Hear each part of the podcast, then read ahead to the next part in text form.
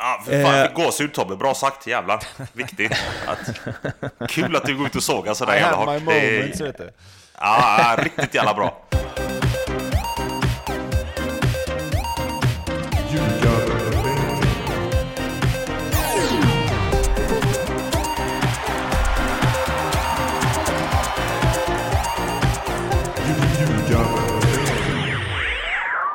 Ljugarbänken i samarbete med Nordic Bet är detta, det är avsnitt 208 och Tobbe, du är i mål. Ja, precis. Tobbe är klar. Ja, den eh, har ju inte varit med under de här 24 timmarna överhuvudtaget faktiskt. Eh, så att, eh, det, fan, du var först Mårten, man säga så. Ja, jävlar. Ja, sjukt. Jag brukar vara det, jag brukar vara i framkant Ja, där. precis. Nej, det är snarare nummer 1318 kanske. Men, eh, nej, visst är det 16 så. Weeks of Hell, för ni som har missat det, det har ju liksom tapetserat rikspress. Ja, eller hur? Lite, de är lite, det känns som det är nyhetstorka nu faktiskt, och det borde det kanske inte vara med tanke på allt som händer, men eh, visst. Eh, den får man Den väl- låg väldigt högt i topp på Sportbladet, eller liksom den låg väldigt länge högt uppe på Sportbladet. De brukar ligga där du vet så här, en förmiddag eller något, Ja. men den plöjde nog 24 timmar tror jag. Ja, det... Men... eh, Klickraket. Precis, som riktig clickbait var det. Men, eh, men oavsett så är det ju fortfarande sant ju. det, Ja. jag, jag är färdig med, med de här 16 veckorna nu. Så att... ehm, Mhm.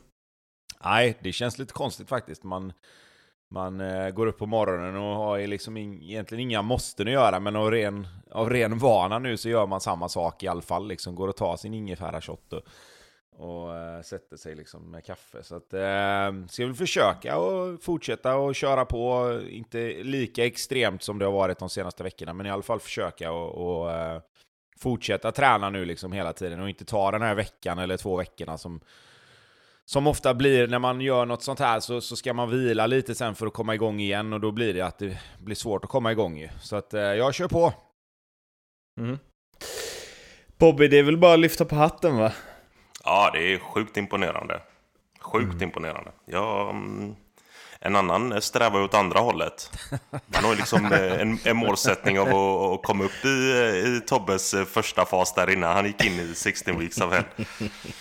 Jag har ju fått höra att jag är alldeles, alldeles för spinkig här hemma nu så att nu måste jag ju trumma här nu. Käka gott och dricka gott. Ja. Vi håller tummarna för att du grejer det. Ja, eller hur?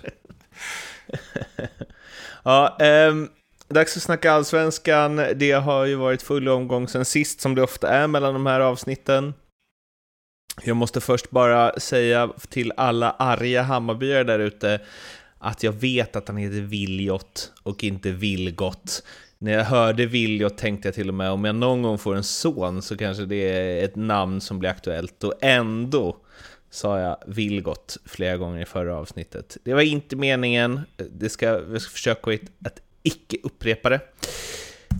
Norrköping-Häcken, 1-0 till Häcken, deras tredje raka under Högmo, Pekings första hemmaförlust och eh, ja, vad har hänt egentligen? Det var, det var så lätt som att byta tränare och helt plötsligt så bara radas segrarna upp. Det jag vet inte hur det bara blir så. Så- jävla olika är väl inte Alm och Högmo liksom rutinmässigt och hur man bryter en dålig trend och hej och hå.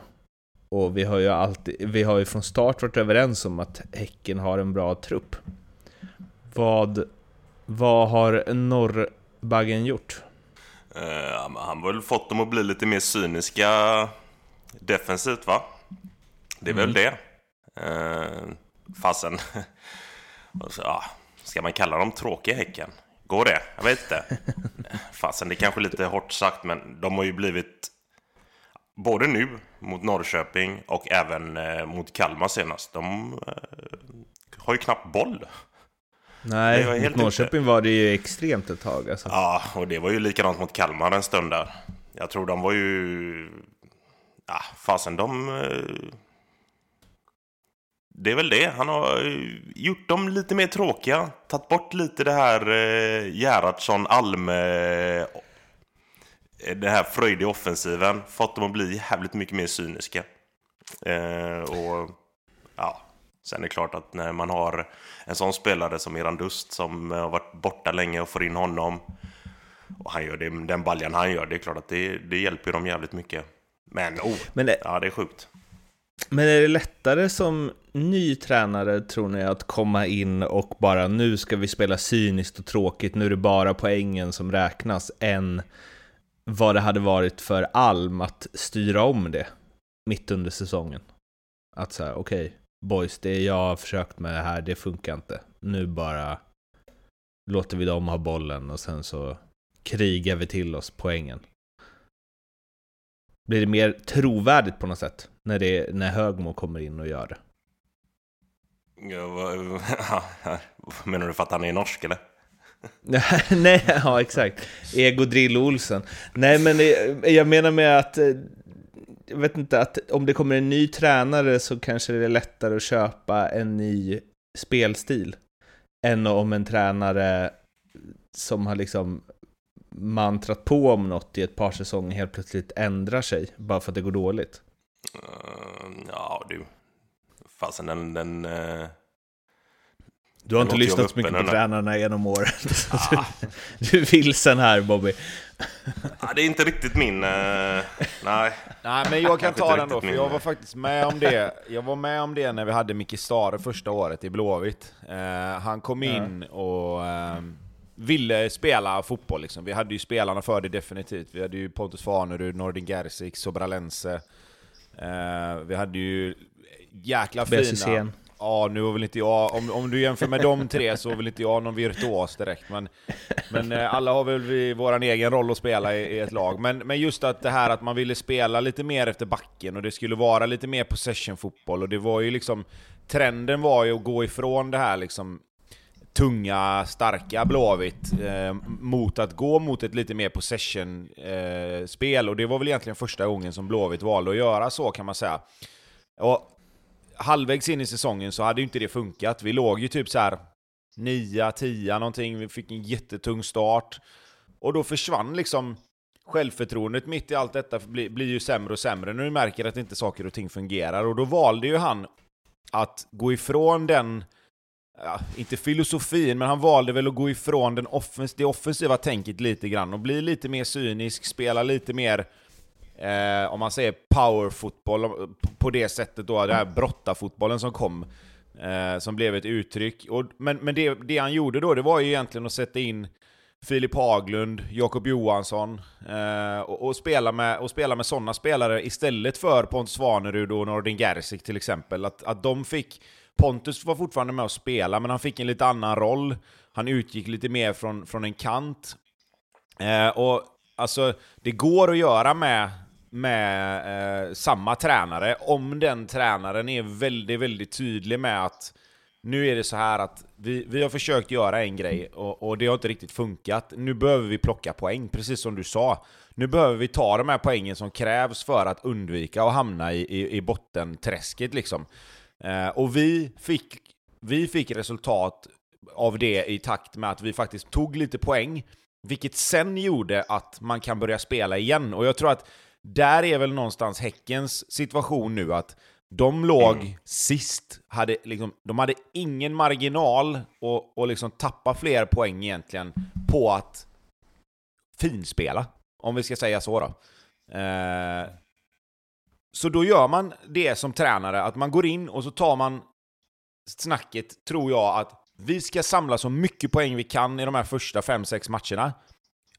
Gör vi det och får fart på det, så kan vi börja spela sen. Alltså börja i rätt ände, ta poängen först, samla lite självförtroende. Med självförtroende kommer det lite mod, och med mod så kommer trygghet. Och när du har det sen, då kan du börja knacka boll igen och då kan du börja spela upp på felvända mittfältare och då kan du börja liksom utmana försvaret med, med spel mellan linjer och liksom utnyttja alla de här fina fotbollsspelarna som Häcken har. Men du kan inte börja där med tanke på var Häcken befann sig när han kom in. Eh, och det är det jag tror han har gjort egentligen bara. Vi hyllade ju liksom Kalmar under eh, vårsäsongen, Degerfors eh, tyckte vi presterade bra och så vidare. Eh, nu har ju Häcken gått om eh, båda dem. 15 poäng, åttonde plats. Eh, ja, vad säger man? Det går fort i hockey. Eh, räcker med tre segrar så är man, eh, är man på övre halvan av tabellen helt plötsligt. Men eh, två grejer från den här matchen. Martin Olssons dubbla gula. I min bok jordgubbsrött direkt. Eller? Mm, ja, jag, jag tycker det. Jag, jag, för mig är det där rött alltså. Det... Linus Wahlqvist sa ju det är matchstraff i hockey så det borde vara rött här. Tobbe, du är lite mer tveksam? Nej, jag... jag eh, alltså... Jag tycker det ser ut som ett jätterött, det första man ser, för det ser ut som man nästan liksom skickar upp armbågen upp mot bröstet och, och liksom sådär. Och jag tycker det... Alltså jag kan tycka att, jag kan jag tycker att själva förseelsen i sig, i den farten och, och, och så som det blir, eh, är, är absolut, det, det skulle kunna vara ett rött där. Men jag tycker att han ska ha rött för att det är så jävla onödigt. Alltså det, det är liksom, varför gör man ens så? Det är mer det jag känner. Han går ju bara in för att trycka till honom, och i den farten som han kommer, då är vi inne på det här igen med att man ska skydda spelarna, som vi snackade om förra gången. Eh, ja, jag, jag, jag lutar också åt att det där ska vara rött direkt. Eh, sen tycker jag ju att han gör helt rätt när han när han då tycker att tacklingen i sig inte är rött och ger honom ett gult så är det ju solklart att han ska ha gult för det som händer efteråt också sen. Eh, sen, sen kan man ju diskutera om inte det skulle varit någon mer som skulle haft kort efter, den, e, efter liksom det som händer efteråt sen, men det, det är ju egentligen skitsamma. Nu pratar vi om Martin Olsson. Så. Oskar Jansson. Uh, mycket kritik mot honom tycker jag på en Norrköpings Twitter. Och uh, jag svorsade förbi någon eh, statistik här som jag hoppas nu att jag inte säger fel. Men att han släppt in var tredje skott på mål i år. Det är ah. super. Ah, ja, fan. Ändå en jävla bra keeper va? Ja, alltså det, sån där statistik är ju också, det, den betyder ju egentligen ingenting om man inte vet hur målen har kommit till liksom. Uh, jag, jag skulle, alltså för att man ska ta den statistiken på allvar, det, det, ser ju inte bra ut, det ska man ju säga. Alltså normalt sett ligger ju ändå målvakterna upp mot 80, de bästa liksom. Kanske lite högre. Mm. Uh, men, men alltså, utan att veta hur målen exakt ser ut, så, så kan man liksom inte säga så mycket om det. Det kan ju vara att, att de har haft jävligt mycket solklara målchanser emot sig som har blivit mål, och sen har han liksom inte kunnat göra så mycket. Uh, jag tycker ju målet nu sist, det är väl inte jättemycket att göra till exempel.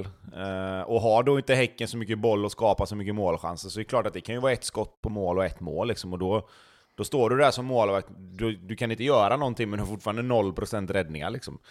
Uh, så att, så att jag vet inte riktigt hur, alltså över en hel säsong så är det klart att en sån statistik någonstans kanske inte ljuger, men, men samtidigt, man får nog ändå ha lite mer man får ha lite mer eh, kött på benen än att bara liksom titta på en siffra och säga att det är en, är en dålig målvakt. Liksom. Det, det är lite för enkelt att göra så, och jag tror att mm. nu är det nog också att Norrköpingssupportrarna liksom de, de tycker att det är några billiga mål kanske, visst, nu, nu kommer inte jag ihåg på rak arm exakt hur alla de här målen har sett ut de sista, men, men eh, jag tycker väl att det är lite enkel väg att gå och skylla på målvakten faktiskt.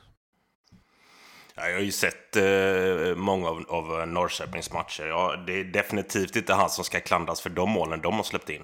Så, så är det. Jag tycker att eh, det är några i den backlinjen som har sett jäkligt svaja ut. Får ju gå ut och ta även dem då i så fall. Eh, jag tycker att han ska lastas för, för många av de här målen som de har släppt in. Vad fan är det? De har släppt in 10 mål på 11 matcher. Det är, det är fortsatt eh, jäkligt bra.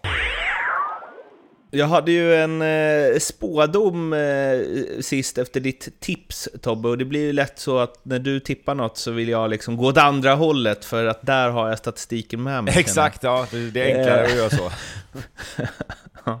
eh, men jag sa ju att fan, Degerfors borta, är inte det en sån match där Malmö liksom klappar ihop och torskar? Riktigt så blev det ju inte. Eh, degen eh, kom inte upp i nivå kan man väl säga.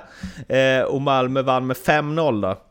Eh, så det är ju bara att gratulera eh, Hysén till eh, den spådomen.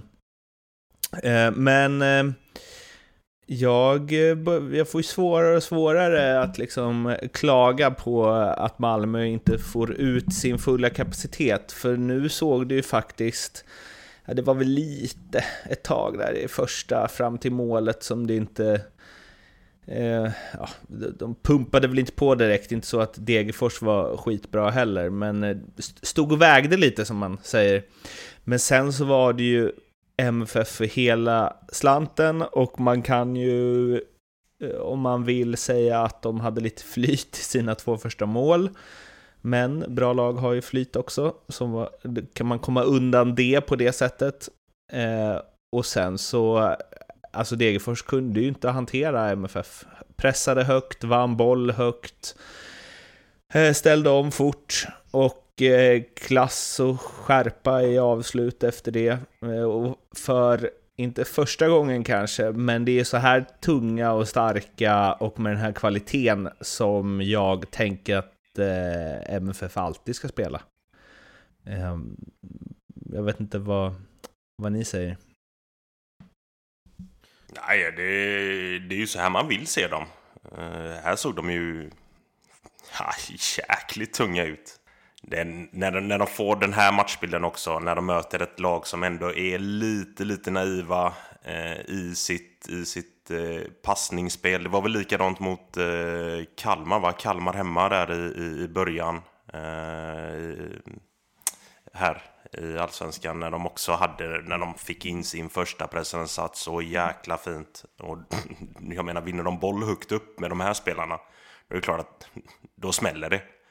Och fasen var det small. Och det är klart, det är som du säger, alltså bra lag har ju lite tur. De två första målen är ju, de är ju jävla tur, ska sägas. Men vad fasen, de, de, de kommer till eh, lägen när de tar eh, skott utanför. De, det smäller så fort eh, Colak får bollen på fötterna. Nalic har en jäkla fin match. Han, mm, han var riktigt bra alltså. jäkligt intressant ut alltså. Mm. Jag tycker ofta nu... han har varit bra. Ja, men... Alltså...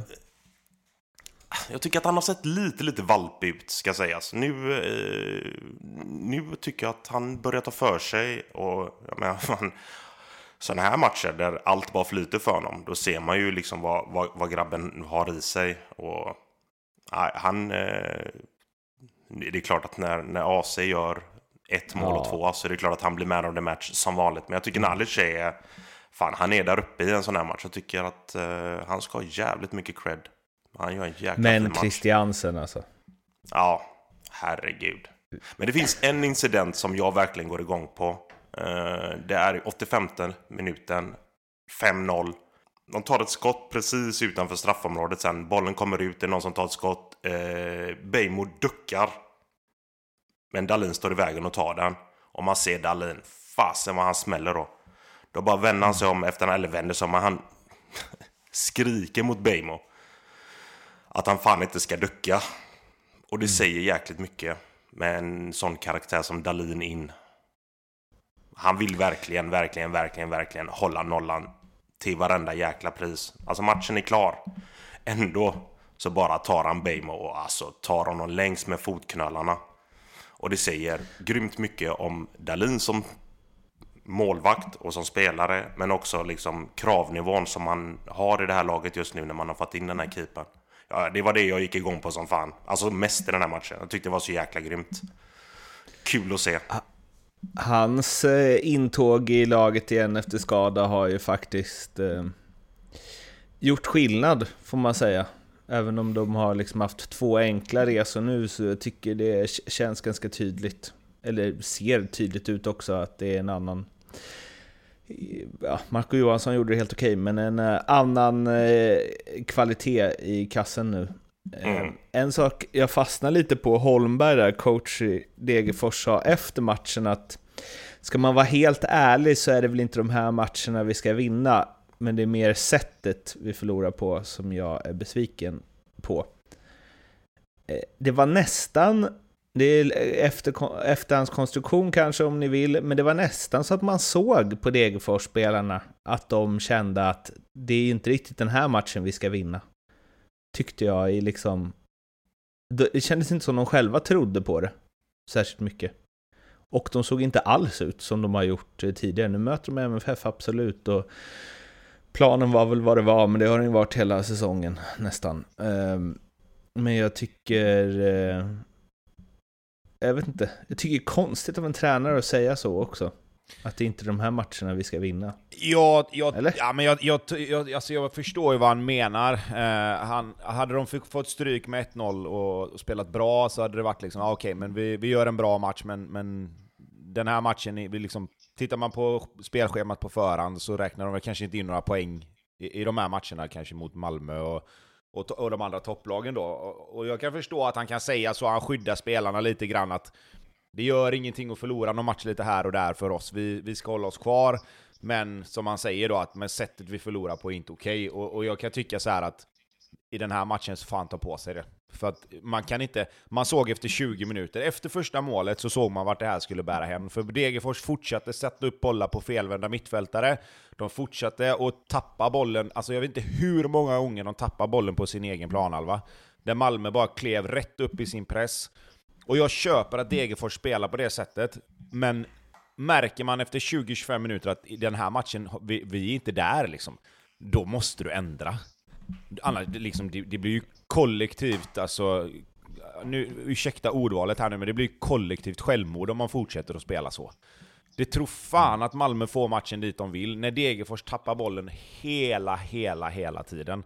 Alltså, återigen, man ska spela på sitt sätt, och Degerfors har gjort det jättebra, men i enstaka matcher här och där så måste du kunna se vad som är på väg att hända och ändra innan det är för sent. Nu hade de en hel halvlek på sig, för 2-0 målet kommer ju inte förrän sent i första halvlek. Hade de ändrat mm. sitt sätt att spela, varit lite mer direkta, spelat lite enklare resten av första halvlek och sen gått in i paus och sagt okej okay, boys, det här funkar inte, de käkar upp oss, vi måste hitta ett annat sätt att ta oss fram så att vi inte åker på de här omställningarna hela tiden.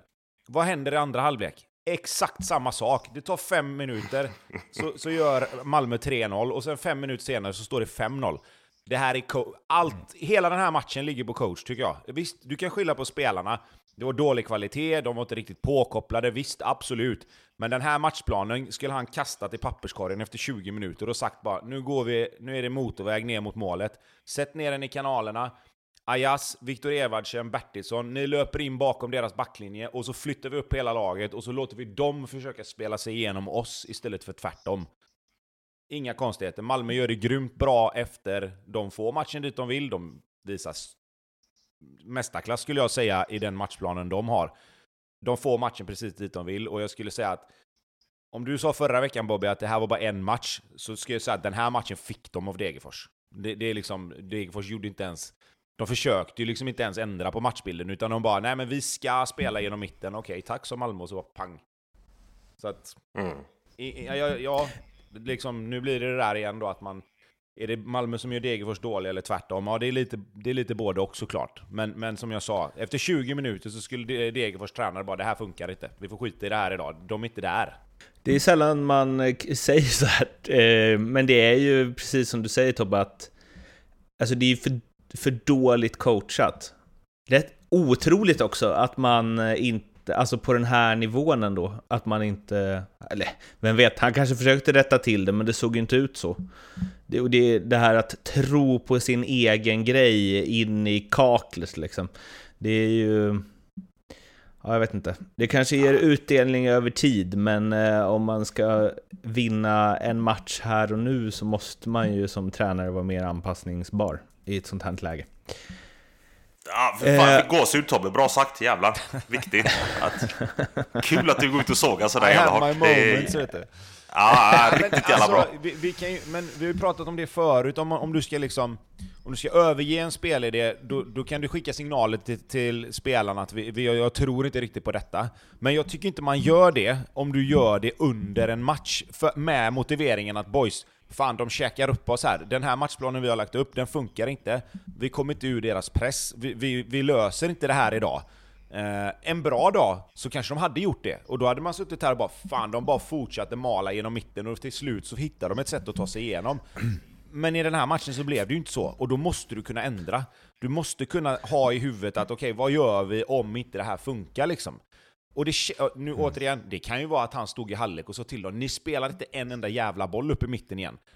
Och så fortsätter de ändå, och då är det klart att då får man ju liksom, ja fine, det vet ju inte vi på ett sätt. Men jag har ju svårt att se att Degerfors i halvlek stod och sa nu sätter vi in en bakom deras backlinje för de käkar upp oss. Och sen släpper in tre sådana mål som de gör. Det, mm. det, det, känns väldigt, väldigt osannolikt bara.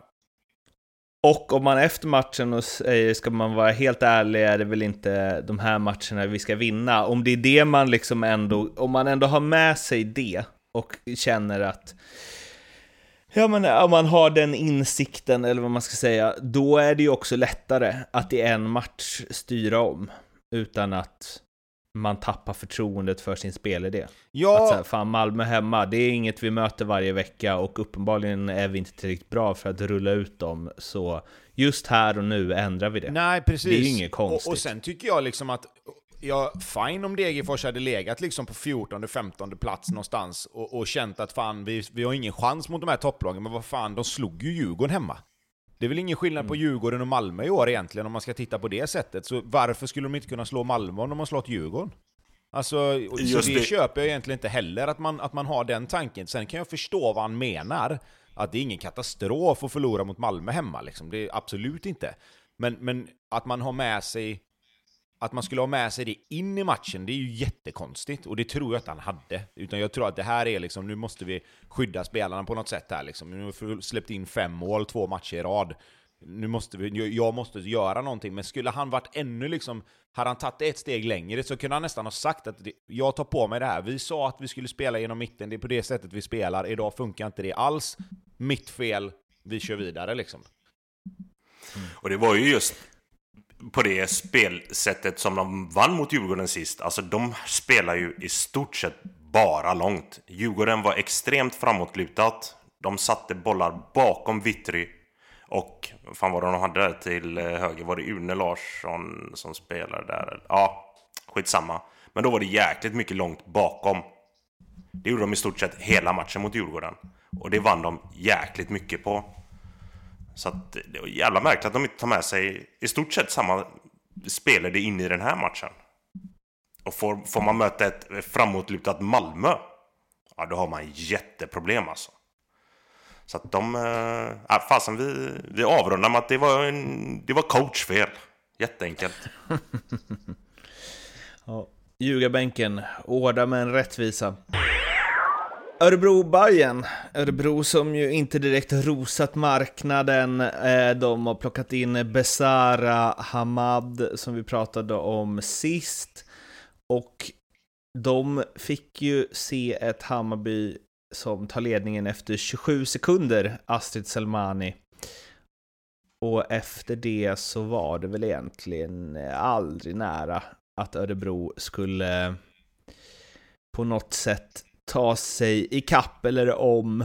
Eh, och det, ja, jag vet inte, de hade en frispark från, från Walker, det var väl det de hade i princip Örebro, så den här kreativiteten eh, som Hamad och Besara kommer in med behövs ju i allra högsta, i allra högsta grad. Men på tal om att spela naivt då. Hur när man ligger i det läget man är, hur kan man spela som Örebro gör? Och hur kan man inleda på det sättet? Att liksom chanspassa upp i mitten och... Jag, jag, förstår inte riktigt vad de, vad de håller på med. Är det något lag som kan göra liksom det Häcken gör nu? Att bara låta motståndarna ha bollen, backa hem, stänga ytor. Då är det väl Örebro som ska göra det. Man kan ju tycka det. Eh, framförallt i en början på en match återigen då, så, så är det klart att att man ska minimera risken, det säger man ju alltid och det låter tråkigt, men det beror ju på lite grann vilken situation man är, precis som du säger. Eh, Malmö, Djurgården kanske inte behöver göra det, men Örebro, Häcken, Varberg. Eh, Östersund ska väl definitivt fundera på att göra det. Eh, och det handlar ju inte om att man ska överge någon sorts spelidé, utan det handlar ju bara om att man ska komma in i matchen innan man försöker spela svåra passningar. Eh, att, man, att man har satt några passningar i början av matchen så att man känner okej, okay, men touchen är där, passningsfoten är där. Uh, nu, kan jag börja liksom, nu kan jag börja spela med lite mindre marginal om, om det skulle behövas. Uh, och i den här matchen, vi, vi, jag snackade förra veckan om att jag tycker att det var bakåt Örebro behöver förstärka och kanske inte nödvändigtvis framåt på det sättet. Men jag får ju ta tillbaka det efter den här matchen för att de hade noll framåt. Uh, mm. de, visst, nu fick de en jävla tuff start och det är klart att är man där Örebro är så sätter ju det sig i huvudet direkt. Att liksom fan nu, nu liksom, energin i att, i att Besara och Hamad är klara, även om inte de var med i truppen och, och sådär, så är det fortfarande liksom, nu är det energi, nu kommer det in två förhoppningsvis jävligt bra spelare, nu, nu, nu händer det någonting här liksom, nu ska vi bygga på det här, och så bara smack! Kapa knäna på dem direkt efter 27 sekunder liksom. Eh, så det är klart att det blir en jävla uppförsbacke, och första delen av första halvlek så var ju inte Örebro med alls. Eh, Hammarby skapade väl inga... De hade en chans till där Akam eh, kommer fri, där målisen gör en jävla fin räddning. Men utöver det så är det inte supermycket stekheta målchanser för Hammarby heller egentligen, men Örebro har ju ingenting. Alltså, de, de, de har... De skapar ett tryck i perioder på Hammarby i form av att de har bollen ganska mycket. Eh, Hammarby får inga liksom längre anfall, men jag tror helt ärligt att Hammarby kände sig rätt bekväma i att bara ligga och flytta och liksom mm. på något sätt följa med Örebro när de, när de spelade och, och höll i bollen. För de vet, visste liksom att kvaliteten finns där inte, själv, självförtroendet finns där inte riktigt. Sen är det alltid lurigt så länge det bara är 1-0. Men, men det, det, det fanns liksom ingenting. Örebro kunde inte hota med någonting egentligen. Det var lite inlägg och lite inspel, men det var liksom aldrig mer än så. Uh, och sen så får ju Hammarby i, i mitten på andra halvlek om vi nu snackar att Malmö gjorde turmål, jag hävdar ju fortfarande att det var ett inlägg, eller försök till ett inspel som, eh, som Mohanad Yash gör. Sen blir det jävligt... Ja, det erkände han väl själv ja, Precis. Han ja, det, det kanske han gjorde. Jag missade intervjun efter matchen. Ja. Men, men, men ja, okej, fair play till han då. För att det kändes som att han försökte vrida vri foten och spela in den bollen, men det blev ju ett jävla fint mål. Uh, ja, det blir klass. Fantastiskt mål blev det. Uh, så att, uh, nej men och, och, sen efter det så, alltså Örebro fortsätter att ha bollen en del liksom. De försöker flytta bollen från sida till sida. Men, men har inte kvalitet. Men det händer ju inget, nej, det finns inget djupledsspel, det finns ingenting. Nej, och det är alltså. liksom det jag säger. Och, och jag menar, man kan tycka då liksom att Eh, det är det här jag menar, det, det, finns ju övertag och tryck och så finns det så här skenbara övertag då som vi har sagt när man springer och, och spelar med 11 man framför sig hela tiden. Alltså Hammarby hade hela laget och bara flyttade. Eh, och Hammarby gör, om vi ska vända på det, så gör ju Hammarby en match som inte riktigt är det Hammarby man är van att se. Alltså de ligger kompakt, flyttar hela sitt lag, ligger i sina block och flyttar bra liksom. Eh, och, och, och blir aldrig hotade nästintill felfri försvarsinsats eh, av Hammarby den här matchen. Visst, de, de blir inte testade på det sättet, men du kan ju bara spela mot dem du möter. Så att den här matchen betyder nog en del även för Hammarby på så sätt att de åker till Örebro och bara hämtar tre poäng. Stabilt, lugnt och stilla, inga konstigheter. Utan att behöva spela bra egentligen. Så att eh, den, den, kan ge Hammarby ett, ett, lyft också tror jag. Men eh, grej jag tänkte på med Örebro är ju Alltså, det är lätt att säga det om bottenlag också, men det känns verkligen som att de gömmer sig. Alltså, det är liksom ingen som tar tag i det, eller som kliver fram, eller som tar ansvar. Jag tänker ändå att de har sådana ett par sådana spelare som borde göra det, men som kanske inte är tillräckligt bra längre, för att i vissa liksom försvarssekvenser och så, så är det ju som att de, de ligger typ rätt, men ingen gör något. Så de kommer ändå typ tvåa på bollen. Alltså det är ja, det märkligt det, så... att, att se. ja, men det, det, är, är så otroligt eh, tafatt. Ja, och det är väl ofta så tyvärr med, med lagen som, som ligger där nere. Det, så är det ju. Det, mm. det har man ju själv varit. Det blir... Det är det både ser och är jättetydligt att eh, fasen, det är, man, man, vill inte göra det där misstaget ute på banan för att bli någon jävla form av syndabock. Mm. Och, Så då gör man ingenting istället? Ja, men i stort sett. Alltså fasen, har du inte boll så kan du inte bli dömd för någonting. så, lite så är det som fotbollsspelare. Fan, eh, nej. Det, fasen också, det blir så jäkla tråkigt med ett sånt här lag som Örebro. Alla vet ju. Fasen, vi, vi pratar allsvenska. Alla lag gör väl det? Lägg den långa första tio. Spela på motståndarens planhalva lite de första tio minuterna innan du bör väl börja lira lite boll. Det är få lag i Allsvenskan som kan börja sätta igång och börja lira direkt. Alla kör ju i stort sett upp med bolljäveln, kriga på eh, motståndarens planhalva, vinn lite momentum därifrån och så tar vi det efter tio. Det är ju så jäkla typiskt, så gör ju alla. Det är, fan, det är den fotbollen jag växte upp med i Allsvenskan. Det är ju så vi gör. Börja spela i den situationen. Hur menar du? Alltså när man är i den här situationen, alltså att man kan spela så, men uppenbarligen så finns det liksom, jag vet inte vems beslut det är att inte spela så. Det måste ju vara tränarens beslut. Det är ju knappast spelarna som bara fan nu ska vi rulla boll här, vi som är fullpumpade med självförtroende. Men jag alltså, kan, kan man lösa det genom att få in någon ny som inte varit i i, alltså i den här osäkerheten och i den här dåliga trenden och så vidare. Alltså, vi har ju snackat om det, ny mittback till exempel.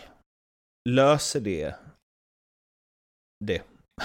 Eller vad man ska säga. Nej, men, nej, det gör det ju inte på det sättet. Liksom. Alltså, någonstans så är det ju en, är det ju en spelidé och en, och en taktisk grej att, att, Eh, att börja med egentligen. Liksom. Och sen ska jag väl säga så att skulle, skulle Jiloan Ahmad och, och Nair Besara komma in nu och börja spela i Örebro så talar ju inte riktigt det för att de ska börja slå lite längre heller, utan då ska de kanske använda de här spelarna som, som kommer in. Alltså jag, jag, det som jag kan tycka är att i en sån här match som var nu, så saknar de en sån spelare som Nordin Gerzik, tycker jag. Eh, för att oavsett vad man tycker om honom, och han, han blir äldre och det går inte riktigt lika fort längre, men han hade inte accepterat att det såg ut som det gjorde.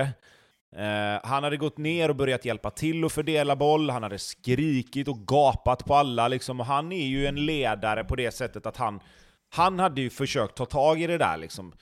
Eh, och man kan tycka att en sån som Johan Mårtensson som har varit där så länge, kan, man kan tycka att Mikael Almebäck, Kevin Walker, även om han är ny Walker så är det ju fortfarande en spelare med massa rutin och han har spelat liksom i, i stora klubbar. Så att, men, men jag tror bara att när, när du hamnar i, i det läget där Örebro är nu, så är det precis som Bobby säger, man ser till att göra sitt. Eh, och man tror att man gör det, men i, alltså med facit i hand så är det ju egentligen ingen av dem som gör det. Eh, utan, utan det blir som du säger Bobby, att man, man springer och gömmer sig, eller om det var du som sa det Mårten, man springer och gömmer sig för att inte göra misstag. Eh, du ser till att lösa din egen situation i första hand och sen hjälpa andra i andra hand. Eh, man, man, man känner säkert att man springer och kämpar och sliter utav bara fan alltså, men du gör ju det på helt fel sätt. Oftast liksom. Du, du, du, har, du tänker inte på det taktiska, de taktiska direktiven på det sättet. Uh, utan, utan du tänker, okej okay, jag går upp och markerar min gubbe, men är det verkligen det jag ska göra i det här läget? Eller skulle jag egentligen ligga kvar? Liksom? Alltså, det blir en passivitet som är, som är svår att komma bort från. Och det är det, det, det, är det som är det absolut svåraste. Man måste, man måste få poäng, du måste få in lite energi, måste få lite självförtroende. Eh, och och det, är, det är det absolut svåraste. Så, så därför så tror jag att spelare som Hamad och Besara kan komma in med, med rutin och erfarenhet och hjälpa de yngre spelarna, absolut. Men det de framförallt måste komma in med nu, det är ju kvalitet. Eh, mm. Det, det, är ju det absolut viktigaste. Det är egentligen skitsamma hur mycket erfarenhet och rutin de har och, och på träningar och liksom allt sånt där. Visst, fine, det, det, är en del i det, men de måste komma in med kvalitet nu. Det är det absolut viktigaste. Sen också, vad fan... Eh, över till Hammarby. Björn Paulsen, man of the match. Så jäkla kul att se den gubben tillbaka i det där laget. Direkt blir det uppstyrt i, i den backlinjen. Fan vad kul att se honom, fan vad bra han var. Gillar där har vi någon som Örebro ja. hade behövt. Oh ja! Fasen, det är nog, eh, det är nog jäkligt många lag i Allsvenskan som skulle vilja få in en sån karaktär och en sån lirare i sitt lag. Där läggs inga fingrar emellan och det blir... Eh, fasen, man märkte det på de andra spelarna runt omkring, de defensiva spelarna. Fan, titta på den här jäveln alltså. Han, det läggs inga fingrar emellan alltså. Fasen vad det small. Ja, grymt att se. Och sen eh, Ludvigssons eh, musche, hans mustasch. Oj, oj, oj. Det var riktig Ron Jeremy över honom. Fan vad snyggt det där var. Lite mer sånt vill man ju se i Allsvenskan också. Fan vad ja, vackert.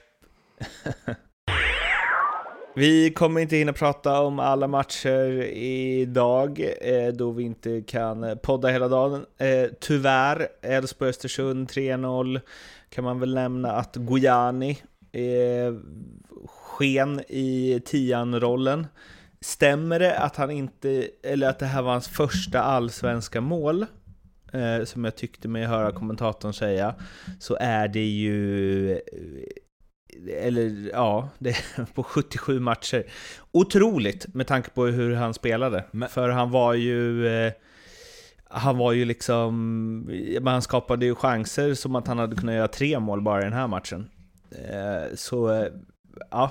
Outnyttjad potential där. Han brukar inte spela i den eh, rollen heller. Så vi får, då får vi se vad Thelin gör av honom framöver. Först, första, Annars målet åt, eh, första målet åt rätt håll ska sägas va? Ja, Han, Ja. han hade ju ett mål där Eh. borta mot Häcken var det va? Där, där han passade in bollen i öppet mål eller vad var det? just det. Eh, ja. Eh, Förlåt. Men, ja. men Elfsborg starka ju. Eh, bäst i Allsvenskan på offensiva hörnor och eh, utan Simon Olsson, Johan Larsson och Per Frick så städar man av Östersund som om det vore ingenting. Eh, så ytterligare styrkebesked från Elfsborg. Med det lämnar vi den matchen. AIK-Kalmar. Bobby, vad har hänt med ditt Kalmar? Mm, Ja men, mm, de trillar väl fortsatt en jäkla massa boll, gör de inte det? Jo, Sen, det är sen bara att det inte händer så jäkla mycket sista tredjedelen i, i den här matchen, det är... Fasen, de möter ju eh, en av allsvenskans starkaste defensiva lag. Det är inte så jäkla konstigt, men boll trillas ju. Men det händer inte så mycket. Nej. Så att, eh, ja, fasen, eh, den här matchen var, den var tuff för dem. Så är det bara. Här lyckas de inte hitta någonting egentligen. De hade något jäkla skönt anfall i, i, i andra. Jäkla fin kombinationsspel, men fortsatte ett avslut utanför straffområdet. De kom väldigt sällan in i eh, AIKs box, liksom med, med den här lilla edgen. Eh, så att, eh, och då är ju AIK, fasen då ser det jäkligt fint ut där, där bak för dem. De, eh, nej, det är inte så jävla mycket att säga. Sen, eh, det är klart att har du en av allsvenskans bästa högerfötter där så är det klart att det smäller åt andra hållet på ett eller annat sätt. Både på fasta situationer och att han sen får sätta dit tvåan. Eh, ja, Seb Larsson är king den här matchen. Fan vad bra han är. Han hyllades ju också av Rydström efter matchen, både han och Lustig. Eh, Rogic var inne på att AIK inte hade något eget possessionspel i första halvlek framförallt. Det var ju 67-33 i bollinnehav till Kalmar då. Eh, och 6-1 i avslut i målzonen för AIK. Målzonen, det är ytterligare en grej att lägga till på expected goals och allt vad det är. Men eh, Eh, Rydström som sagt hyllade Seb efter matchen och sa eller var ju inne på att han har något som eh, Kalmar saknar. Och det är ju det är så svårt att liksom... Jag vet inte, det är, en, är svårt att sätta fingret på. Eller det är inte så svårt att sätta fingret på, men att det, bety, det betyder så himla mycket liksom. Att hans inställning och hans sätt att leda, oavsett om AIK spelar bra eller dåligt, oavsett vilket motståndet är, så blir det att han står ju verkligen för någonting och det blir någonstans att ingen annan kan sänka sin kvalitet så länge han är på plan, för han kommer se till att dels hålla en hög lägstanivå själv, men också se till att ingen lagkamrat mm, dippar för mycket. Eh, och det är väl eh, det är väl det Rydström är lite inne på att Kalmar saknar. Jag vet inte, är det, är det liksom vinnarskalle som ska in på lodrätt 3? För det är väl det han, han liksom personifierar på något sätt. Ja, det... Vad vad, vad, vad menar han? Ah, okay. Han har väl lite sköna lirare i eh, några vinnarskallar här. Fan, eh, Romarinho är ju... Han är ju helt fantastisk den här matchen. Eh, Jag tycker att han är kanske en av planens bästa lirare.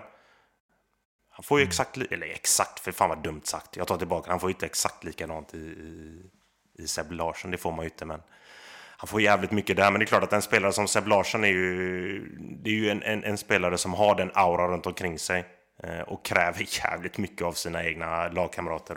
Fastän det såg man här, han var, han var liksom hugg på Milosevic någon gång när han inte riktigt var nöjd med honom. Och hugger lite på spelarna där fram när de inte riktigt gör jobbet. Så att han har ju en extrem jävla kravnivå på, på spelarna runt omkring. Alla lyssnar ju på honom. Så är det ju. Och han får ju med sig alla på eh, det jäkla tåget som eh, Jelak Gelak vill spela. Så att, eh, nej. fasen det är klart att det där är ju en, en, en, spelare som de kommer behöva nu. Han behöver ju vara med hela vägen här nu om AIK ska vara där uppe. Vilket vi har varit inne och snuddat lite på att de gör i bakgrunden av alla de andra toppkanonerna. Men en, alltså klart så här, Messi hade varit bra att få in för Örebro och Degerfors. Men annars, alltså så här, Seb Larsson, hans karaktär, är det inte det som vi är inne på som Örebro och Degerfors, i alla fall den här omgången, det de saknar? att det kan bli lite så här, lite, ingen tar tag i det, ingen tror riktigt på det, man är liksom, det är för mjäkigt på något sätt. Eh, alltså det är ju in med Seb Larsson i Örebro eh, och, och, det finns inte på kartan att det ser ut som mot Hammarby.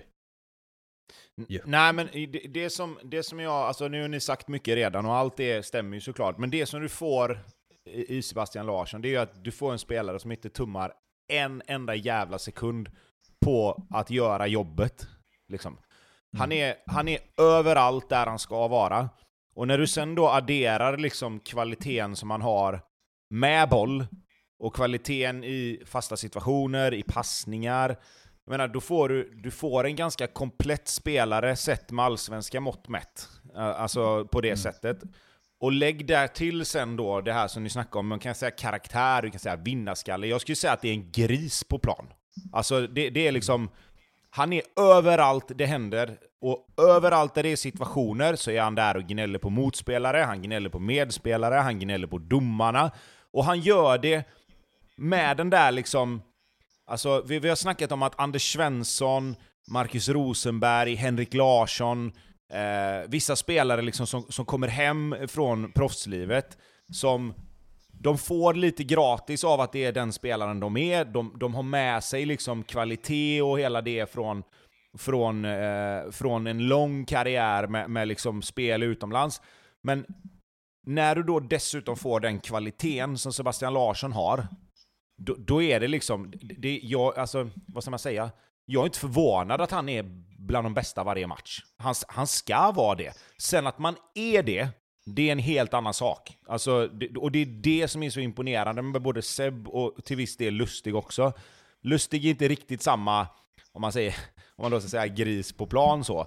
Uh, han kan vara störig att möta säkert, men, men, inte riktigt på samma sätt som Seb. Liksom. Men, men Seb är ju en sån spelare som, det spelar ingen roll vem han möter, han hade kunnat möta sin bästa polare liksom. Så hade han behandlat honom på samma sätt som någon som han verkligen hatar. uh, och, och, det är det som är, om man säger, för mig är det lite AIK, om jag ska vara helt ärlig. När man har mött AIK, Alltså utanför plan och allt sånt där, inga problem liksom. Alltså jättetrevliga spelare, alla liksom, sitter du eh, på liksom eh, fotbollsgalan så är det inga konstigheter och du vet, du sitter där, du tar någon öl, tjötar lite. Men så fort du kommer in på plan eller är runt, har varit runt Råsund eller runt Friends, alltså de, det blir som de är schizofrena nästan. Alltså de bara liksom går rätt in i den här AIK-mentaliteten att ni är skit, vi är bäst, ni rör inte oss här liksom. Och, och det, det, finns ingen i, i, egentligen, ja möjligtvis Milosevic då kanske, men förutom Seb Larsson, som personifierar det på ett bättre sätt just nu. Och det är därför AIK lite grann, tycker jag, börjar hitta tillbaka till det här liksom tunga, grisiga, äckliga, jobbiga AIK som de ska mm. vara, enligt mig då. Mm. Om man nu ska se det med neutrala ögon. Vi har ju alltid hatat det, för att vi liksom är på andra sidan om man säger. Men jag kan se det komma nu mer och mer igen. Det ska man bara, alltså, oh, ursäkta. Ja, men om man bara alltså den här elvan som de ställer upp med nu. Eh, får de igång de här fyra där fram sen också. Alltså Rogic behöver ju få lite matcher i benen. Bahoui måste ju liksom börja ta lite mer ansvar. Eh, Stefanelli gör ju sitt jävla jobb defensivt, men han behöver hitta lite mer offensivt. Och Radulovic gör ju, har ju ändå hittat kassen ännu någon gång. Alltså den här elvan som de ställer upp med nu, det kan bli en jäkligt ruggig elva om de får hålla den här intakt under hösten. Det kan bära dem jäkligt långt. För att eh, de här sex eh, defensiva spelarna, det är liksom det, det är starka spelare. Allihopa i stort sett. Eh, alltså, får man bara igång de här fyra där fram här nu så, så, så, blir de fan farliga under hösten alltså. För att den här elvan var, den här elvan är jäkligt stark. Det var eh, derby, Halmstad-Varberg 1-1. Eh, Ryan Moon och eh, Samuel Kroon gjorde målen. eh, Tobbe, eh, om du ska hålla derbyt kort, hur låter det då? Ja, vad ska man säga där? En match med två förlorare egentligen ju. Eh, en poäng var ju inte bra för något av lagen. Eh, häftigt med, med Ryan Moons inhopp. De sätter ju in honom precis innan hörnan. Han kommer in, ställer sig i straffområdet och går, in och, går, går upp och nickar in 1-0 direkt. En ganska jämn match skulle jag säga egentligen. Alltså, det var inget lag som var inget lag som stack ut på något sätt. Eh, det var inget lag som egentligen gick för det tyckte inte jag. Alltså, visst, det, det är lätt att säga när man sitter bredvid, men det var en ganska, ganska medioker allsvensk fotbollsmatch. Eh, mellan två lag som det syntes letar lite efter formen, eh, försöker att spela fotboll. Eh, Halmstad har ju några jäkligt intressanta spelare. Nu kommer ju, nu är ju liksom Samuel Kron kommer in här nu igen och, och eh, har varit borta större delen av säsongen, men kommer in och gör det bra. Eh, de skulle behöva ha tillbaka Mikael Boman i lite bättre slag. De skulle behöva få igång Emil Tott Wikström igen. Ehm, för, för, att de är lite, de är lite ospetsiga, eh, Halmstad. Varberg gör ju sitt liksom. De kör ju sitt race. De gnuggar på, de smäller på och, och är tunga liksom. Nu eh, tappar de ledningen här. Alltså, Nej, det, det, finns inte jättemycket att säga egentligen. Alltså, sådär match. 1-1 var gynnade inte något av lagen som sagt. Tobbe ska ju kila iväg eh, strax, så eh, tänker vi beta väl av Blåvitt då och sen så kör Bobby och jag eh, en hyllning, några hyllningsminuter till Djurgården. Men först IFK Göteborg, 3-2 mot Mjällby, Marcus Berg mål direkt. Eh, och... Eh, Gud vad de behövde det här. Istället för 2-2. Ja, eller 3-3. Eh, som det också hade kunnat ja, bli faktiskt. Eh, ja. Nej men ja, absolut. Eh, tre poäng var det absolut viktigaste. Framförallt med tanke på allting runt matchen. Eh, Oskar Wendt tillbaka, Marcus Berg tillbaka. Hela, hela uppladdningen inför den här matchen har ju byggt upp till någonting som hade kunnat bli ett väldigt antiklimax. Eh, mm. Men med facit i hand så hade det kunnat gå hur som helst. Jag tycker att Mjällby är bättre i sina bra perioder än vad Blåvitt är i sina bra. Jag tycker Mjällby trycker ner Blåvitt på ett lite annat sätt än vad Blåvitt kommer åt att göra med Mjällby. Eh, med det sagt så var det ju egentligen, ja, jag ska inte säga att det bara var Amin Sarr som, som, som hotade Blåvitt, men, men det är klart att det blir lätt att titta på honom. Hans två mål två avslut, ett med vänstern, ett med högern. Tycker väl inte de ser helt otagbara ut, men, men fortfarande inga, inga missar på något sätt av, av målvakten. Möjligtvis det andra målet som han ska ta, eh, Anestis. Men, men han räddar två stycken, eh, gör två viktiga räddningar sen som lite grann kompenserar för det kanske. Tycker att eh, Blåvitt spelar lite så som Blåvitt ska göra nu. Eh, man vinner boll, sätter ut den på kanten, försöker komma till mycket inlägg, inspel. Och på de inspelen och inläggen så blir det mål. Eh, det, det, det, är så, det är så det har varit, och nu när det är lite bättre kvalitet dessutom ska sägas denna matchen på alla inlägg och inspel så, så blir det farligt. De har Marcus Berg och Kolbeinn Sigthorsson där inne. Eh, två tunga spelare som kommer vara jävligt jobbiga att möta i, i Allsvenskan under hösten här om de bara får hålla sig friska. Det kommer bli, det kommer bli tufft att, att, att försvara sig mot alla de här inläggen som kommer dyka in i straffområdet. Och därifrån sen kan Blåvitt skapa andra situationer. Så att spelmässigt ingen höjda match. Eh, skulle säga att Mjällby, som jag sa där, är, är, är kanske lite, lite bättre i perioder än vad Blåvitt är, men Blåvitt behöver poängen. Eh, det var som vi sa innan. Eh, ta poäng, få självförtroende. Självförtroende bygger någon sorts mod att, att fortsätta tro på det de gör. Eh, och nu, som sagt, nu ska de möta Varberg borta nästa match. Varberg tre avstängningar efter matchen igår. Så att det finns alla möjligheter för Blåvitt att ta, och ta en ny trea och då, då ser det helt plötsligt lite ljusare ut inför nästa tre matcher som kommer som är Norrköping, Hammarby, Malmö då. Så att, eh, spännande, spännande höst om de kan bygga vidare på det här nu. Du ska få en eh, minut eh, svar på det jag ska påstå eller fråga nu Tobbe. Men Tobias Sana, håller han verkligen? Tycker du han ska starta match ut och match in? Ja, alltså det tycker jag nog. Eh, och det säger jag egentligen med det... Alltså det finns ingen annan som kan spela där. Eh, så, att, så att det tycker jag nog absolut. Då finns det andra spelare i så fall som som ska flytta på sig. Du får ju titta på den andra kanten i så fall. Lite, ja, lite, lite så. Lite så. Om vi ska börja diskutera Tobias, vilka som ska bort. Ja, jag tycker Tobias, det som Tobias Sana gör är att han, han är duktig på att hålla i bollen. Han är duktig på att ta in bollen och, och dra på sig, som vi sa förra, förra veckan, att han är duktig på att dra på sig spelare och sen vända på spelet, öppna upp spelet, hitta lösningar på, på trånga utrymme, i trånga utrymmen. Eh, och eh, som jag sa, det, det, är klart att hade de haft fyra andra spelare att välja på så hade man väl kunnat se att han kan sitta på bänken någon match utifrån och bara sitta och titta lite och se vad, vad, vad han skulle kunna behöva göra. Men nu har han en...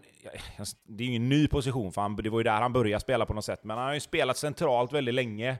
Nu hamnar han ute på en kant, det blir att han gärna vill vara med i spelet, och jag tror att när han väl hittar sitt sätt att spela i den positionen, så kommer det bli jättebra för Blåvitt. Framförallt nu när de har Oskar Wendt bakom som kan komma upp mm. och, och överlappa och, och liksom hålla bredden, eller vad man ska säga, på den sidan. Så det handlar om en liten, en liten kemi där också, de två emellan, och lära sig spela ihop, så kommer det bli jättebra tror jag. Det kommer för mig, bli, det för kommer jag bli fattar vad du vill in med Bobby där med liksom Hossam Aiesh, men jag, jag tycker det finns en skillnad på det. Jag tycker att på, för Sana så sta, det stannar ofta upp där. Det ska oftast liksom kladdas på boll för mycket, sen så defensivt ska vi väl inte tala om. Men eh, skillnaden på Hossam Aiesh, han gör ju ändå sin gubbe. Det är han ju fortfarande bra på, sen är slutprodukten ofta noll. Eh, men det blir inte samma liksom att det påverkar tempot, tycker jag. Fast, fast i den här matchen så, så gör han ju inte det. I den här matchen så kommer han ju inte förbi sin nej, nej, nej. knappt. Så det är liksom... Nej, nej, nej. Men han gör ju ofta, jag tycker ändå att han fortfarande har den grejen. Ja, alltså en, alltså... en, en bra Hossam Aiesh är ju absolut ett vapen för, för Blåvitt. Framförallt nu när de har två spelare inne i straffområdet. Uh, så, så det kan mm. jag väl hålla med om till viss del. Men, men alltså, jag tycker då, då får vi prata om det efter, efter en annan match än den som var nu sist. Uh, för, för i, den här matchen, okay. nej, men i den här matchen var det inte, alltså, varken Tobias Sahn eller Hossam Aiesh gör väl någon bra match så sett. Men jag tycker att det mm. finns en det finns en, en nytta i att ha Tobias Sana ute på en vänsterkant när man har Oskar Wendt bakom och när du har liksom Sebastian Eriksson i, i den positionen som han är nu. För Tobias Sana, som jag sa, han drar på sig en spelare, släpper tillbaks den till Eh, Sebastian Eriksson som sen sätter in den i straffområdet och det kommer de kunna göra fler gånger. Eh, mm. Så, att, så att Tobias Sana tror jag inte de kommer röra på. Det, det, det känns som att han, han har en, en roll att spela i Blåvitt så som de kommer spela nu och jag tror att det kommer bli bra med, med lite matcher och med lite, med lite vad heter det? Eh, att de får spela ihop sig lite där, han och Oskar Wendt, så kommer det bli bra. En sak som jag tyckte var väldigt fin, men som också blir lite så här att jag tänker, åh varför kom de inte hem tidigare? Det är ju när både Wendt och Berg efter matchen pratar om hur nervösa de varit. Eh, Oskar Wendt säger, så här har jag inte känt eh, i magen på flera, flera år inför en fotbollsmatch. Eh, och då tänker jag, är det inte det det handlar om då? Att man vill ha den här känslan. Och jag vet inte, de kanske inte alls ångrar det. Men jag fick en liten så här, undrar om de inte känner så här, hmm, varför har, jag, varför har jag inte kommit hem till det här tidigare? Eller det kanske bara är något drömskt Alf-svenskt glorifierande från mig. Ja, Men jag fick nog. lite den känslan.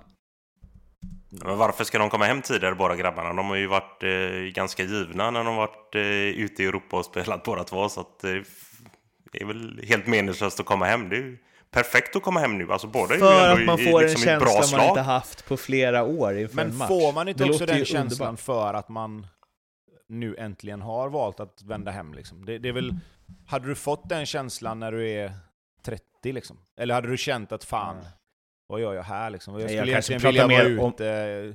Sen, sen tror jag, de två spelarna hade nog fått den känslan oavsett när de kom hem. Men jag tror att det Mm. viktiga i det här sammanhanget är väl att de känner att det här var rätt läge liksom. Alltså det finns ju många Mm. finns ju liksom många som gapar och skriker över att folk ska komma hem tidigare för att de ska hjälpa till och hela den biten. Men jag menar, någonstans är det ju så här att allsvenskan, vi får ju tycka vad vi vill om det, och jag förstår ur ett supporterperspektiv, det hade varit jättekul att få hem de här spelarna tidigare för att få ut fler bra år, eller vad man ska säga. Men man ska ju också ha med sig att det är väldigt, väldigt få spelare som gör som Marcus Rosenberg och Anders Svensson till exempel, liksom kommer hem och spelar 6-7 år i, i allsvenskan liksom. Eh, om inte mer med Anders, i Anders fall då, men det, det är ju liksom, det är ju unikt och det kan vi inte göra. Alltså det, den standarden kan du inte liksom, och, och förväntningen kan du inte ha på spelare ute i Europa, att de ska komma hem och göra 7-8 år här hemma liksom. Utan man spelar ute i Europa, de, de spelar på högsta nivå. Eh, och jag menar, ska man vara helt krass, hur många, hur många spelare som spelar i andra ligor, i, i de stora ligorna, liksom vänder hem och spelar i, i sin egen liga när de har slutat spela. Det är inte så att Messi kommer åka hem till Argentina och spela. Det är inte så att Suarez åker hem till Uruguay och spelar sen liksom, utan Vilket vore mycket mer rimligt. Ja men, ja, men alltså, tyck, vi tycker ju det, men, men så är det ju. Det funkar ju liksom inte så. Eh, och, och jag, menar, Ja, jag blev jävla glad i alla fall Att vi över överhuvudtaget har den dragningskraften att, att folk åker hem och Mm. avslutar karriären i Allsvenskan. Ska vi inte bara vara tacksamma för att de faktiskt väljer att komma hem och göra det, ist- istället för att kräva att de ska komma hem för tidigt liksom. Det är väl bra att, folk, Mm. att, att vi får hem profiler som, som förgyller Allsvenskan ett eller två år med sina namn, med sina allting, och, och, och folk märker att fan, det blir publik på matcherna, fan vad kul det här är, det blir en jävla hype kring matcherna oavsett vilket lag det är. Eh, och, och bara vara tacksamma för att det blir så, istället för att de väljer okej, nej men jag är klar nu, jag slutar. Ja, jag blev jävla... Det var fint att de var så nervösa. De var nästa, det var nästan som att det var deras första match. Liksom. Eh, vilket eh, gjorde... Jag kände att allsvenskan är fan speciell ändå. Nu bryr de sig på riktigt. Eh, vilket var... Eh, ja, nice att se. Tobbe har lämnat oss för... Eh, Ja, han ska väl ut och flexa musklerna på stranden eller något, jag vet inte vad man gör efter att ha eh, tränat och ätit grönsaker i 16 veckor. Så du och jag Bobby ska Ja, väl den är bara... väl välförtjänt ändå det där. Ja, det är verkligen. Så du, du och jag ska väl bara hylla Djurgården va? Ja, men det måste man nästan göra efter eh, i alla fall de första 45 som de slänger upp. Mm. Fy fan. Ja, det var... Det tar en lite tillbaka till den här eh, när vi var ute och hyllade dem efter, efter Malmö-matchen. Och det är klart att det är en helt annan dignitet på det motståndet kontra Sirius. Eh, och all respekt för Sirius. Ja, men det var ändå Malmö vi pratade om då. Och då, då gör de ju det över 90 minuter. Där de ja, fullständigt pulveriserar Malmö. Och fasen, de här första 45 mot Sirius så gör de exakt likadant. Herregud. Så att du kollar på lite statistik så här eh, under halvtid. Tänkte fasen. När man ser matchen så tänker man okej visst Sirius har väl eh, lite momentum där i, i, i början av matchen och sen när de ligger under med 1-0 så ja, det finns väl lite incidenter för dem men fast man tänkte liksom att Djurgården hade ju liksom 70-75% av bollen. Så var fan inte fallet. De hade 52% av bollen. I första halvlek ledde med 4-0. Alltså det säger jäkligt mycket också om, om, eh, om Djurgården som lag alltså. Måste... Alltså, det blir så lätt här. Vi har ju gjort det tidigare, Malmö mot eh, Degerfors och Hammarby mot Örebro, att så här, ja men motståndet då. Och det är klart att Sirius är inte inne i någon liksom dunderform direkt. Eh, och det är klart att Djurgården kanske fick en lätt resa, men jag tycker ändå att det är en, ett jävla styrkebesked. Alltså de är så oerhört eh, trygga. De är så... Alltså, kanske det laget med tydligast spelidé och mest inarbetad som funkar av alla mm. i hela allsvenskan. Ja, och det är åt båda vägarna, ska sägas. De har ju en så jäkla tydlig spelidé i, i, i, i sin off, där de använder fasen hela planen. De använder längden och de använder bredden. Det är ju det laget som, som kanske vänder spel mest i, i, i den här ligan. Och är jäkligt skickliga på det. Och mycket folk som följer med också. Fasen de har ju, det, det, det kommer ju folk överallt. Vittri. Kvalitet. Chili kvalitet. Jag menar alltså, och då har de, alltså inte för att vara sådana, så man behöver inte vara så jävla hård. Men man kan nästan säga att de har spelat ut den nya Eh, under hela den här första delen. Här. Alltså, varken eh, Kalle eller eh, Emir har ju kommit upp i, i någon vidare standard liksom. Ändå så bara pumpar de. Ja, det är sjukt imponerande. Man bara tänker så här på, oh, om de får in en, en, en nya som snittar 10 baljer också, 10-15 baljer. Vad fan tar det här vägen då i år alltså? Sen så en spelare som vi ju verkligen måste lyfta, han är ju i delad eh, poängligaledning tillsammans med Ja, det är väl en drös. Anders Christiansen har nio, eh, Antonio Colak har nio, eh, Viktor Edvardsen har nio. Eh, det är väl de tre. Eh, men det är ju Mange Eriksson, två mål, sju ass, gjorde ett plus två i den här matchen.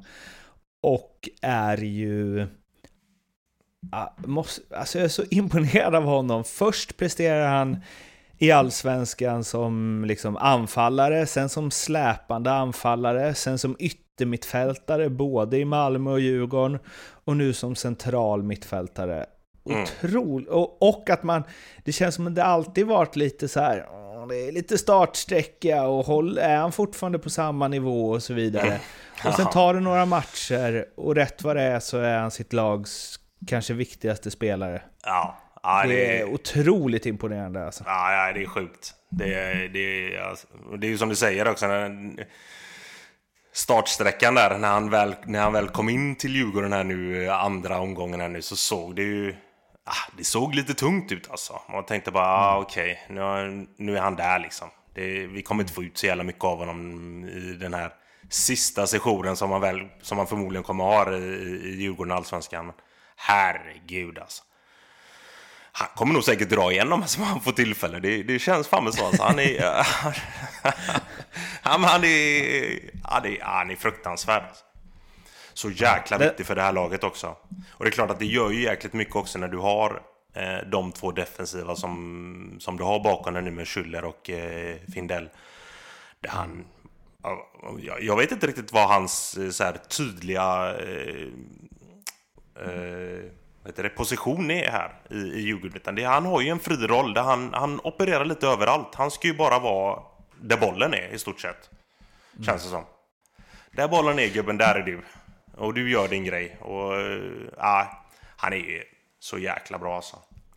Jag är inne på det ibland, så den perfekta allsvenska spelaren utifrån kvalitet.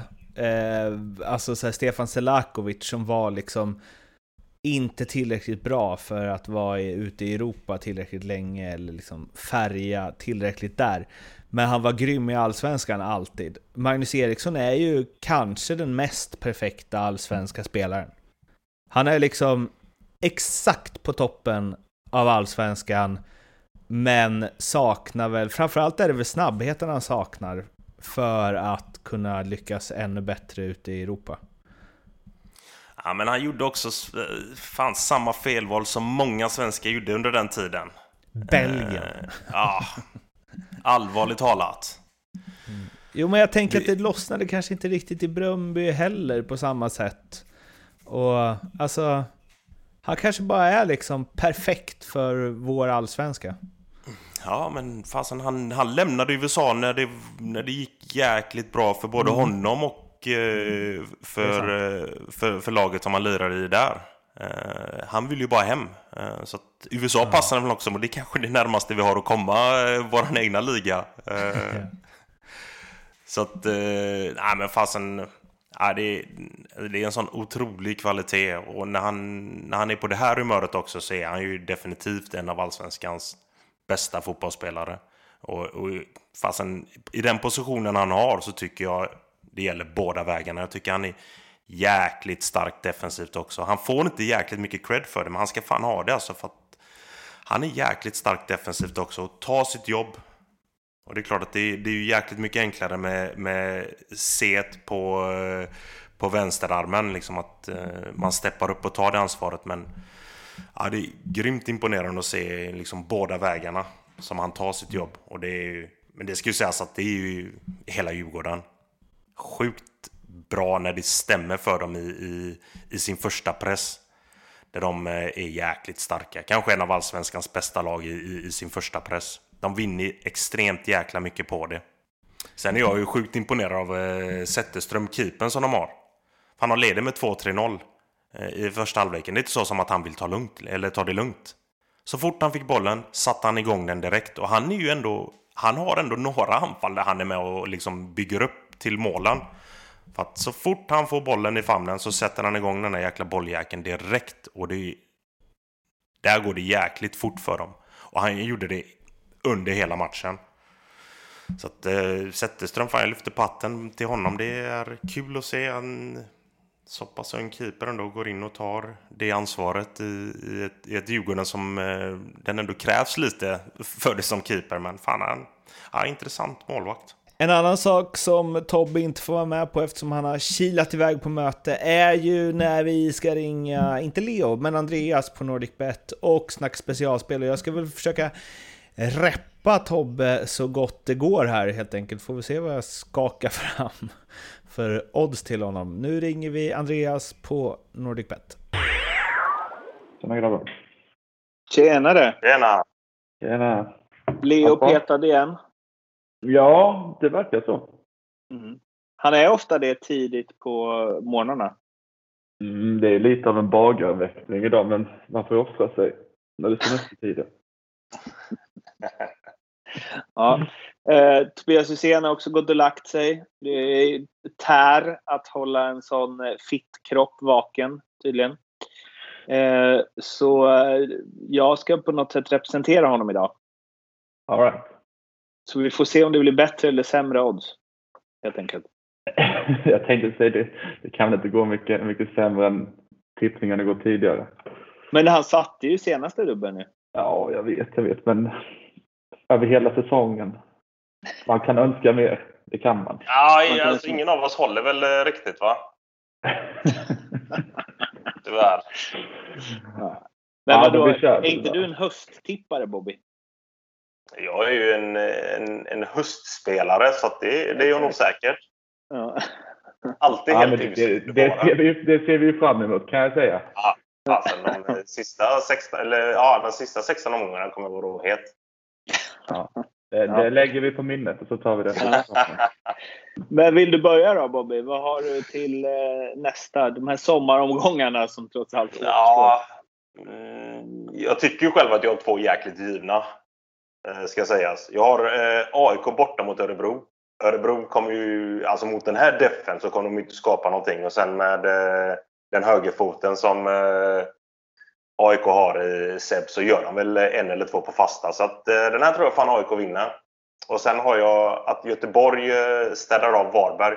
Varberg har ju x antal avstängningar inför den här matchen. Så att Göteborg ser intressanta ut. Nu är de ju lite halvslarviga bakåt fortsatt, men det här tror jag de löser också. Så jag har Göteborg borta och AIK borta. Två mm. givna. Kom igen Andreas, ett fint jäkla odds nu. Två givna, men då borde du vara rätt nöjd med oddset. Jag tänker att jag ger dig 4,50 och det är ju rätt bra för att vara givet. Ja, ja. Alltså jag ska inte ens in och diskutera det. Alltså 4,50 det tar vi. Ja, skönt. Och så ska jag representera Tobbe då. Eh, så jag får mm. försöka motivera hans eh, spel som han vill ha. Då är det ju Häcken mot Elfsborg. Och sen så är det ju eh, Djurgården borta mot eh, Kalmar. det jag direkt känner att jag förstår varför det inte gått så bra för honom. Eh, Men för jag tror inte alls Häcken slår Elfsborg. Jag tror det bli kryss där, tror jag. Jag tror det blir kryss mellan Kalmar och Djurgården också. Men du kan ju ge först på Tobbes och sen på mitt så ser vi vad som är mest. Ja, som känns mest eh, rätt. om vi säger Djurgården plus Häcken vinna Tobbes där så hittar vi till boosta upp det lite så kan vi ge i alla fall sex gånger pengarna. Mm, det är väl rimligt. Mm, jag tror det. Och sen, ska vi eller så här, ändra bara till kryss i Häcken-Elfsborg. Jag tänker, där. jag tänker däremot Mårten att du kanske ska få dig, nu har du ändå liksom sagt så här, oavgjort där och oavgjort där i båda matcherna. Så kanske du ska få en dubbel med oavgjort i båda. Ja, nej, men kör det. Kör det. Och det skulle vi faktiskt kunna ge ja, hela 14 gånger pengarna. Så sätter du den så har du garanterat en, en plats i panelen framöver känner jag. ja, det, jag, tycker, jag vet inte vad du säger Bobby, men 14 på dubbelkryss mot, vad sa du, 6 på dubbel 2 va? Uh, ja, Eller 2 1 Exakt. Då tycker jag mitt är mer spelvärt. Ja, eh, ja, grymt jävla odds. 14 gånger pengarna. Ja. Bara ta den. Ja. Fan, alla, Det blir ju matcher ofta- startar ju- alla matcher startar ju på kryss. Man får fan aldrig glömma det. Du, Exakt. du har en bra Exakt. utgång i alla fall. Det är som att vara liksom snabbast första 10 på 100 meter. Lite så. Man leder ett litet tag i alla fall. Ja, ja, fan 14 gånger pengarna, det är fint. Ja, eh, nu har ju Elfsborg bara kryssat en match i år såg jag och eh, det finns säkert eh, Djurgården har väl jo, nej, nej, det är bara Elfsborg som har kryssat så lite. Örebro också. Ja, ja, eh, dubbelkryss eh, kör jag på i alla fall. Nu får du vara med i slutet av programmet eh, Andreas faktiskt. Vi Jaha. vi ska väl avsluta, eftersom Tobbe saknas så kan du få vara med och säga hej då om du vill. Ja, det gör jag med en ära. Men innan vi avslutar, eh, kom ihåg att spela ansvarsfullt och att du måste vara minst 18 år för att spela. Behöver du hjälp eller stöd så finns stödlinjen.se. Så det var allt för Ljugarbänken den här veckan. Vi finns på Instagram som ni vet, Ljugarbanken Podcast på Twitter och Facebook och allting. Så in och följ, prenumerera på podden så blir vi glada och sen så hörs vi igen efter nästa allsvenska omgång. Tills dess, må gott. Hej då! Ha det gott!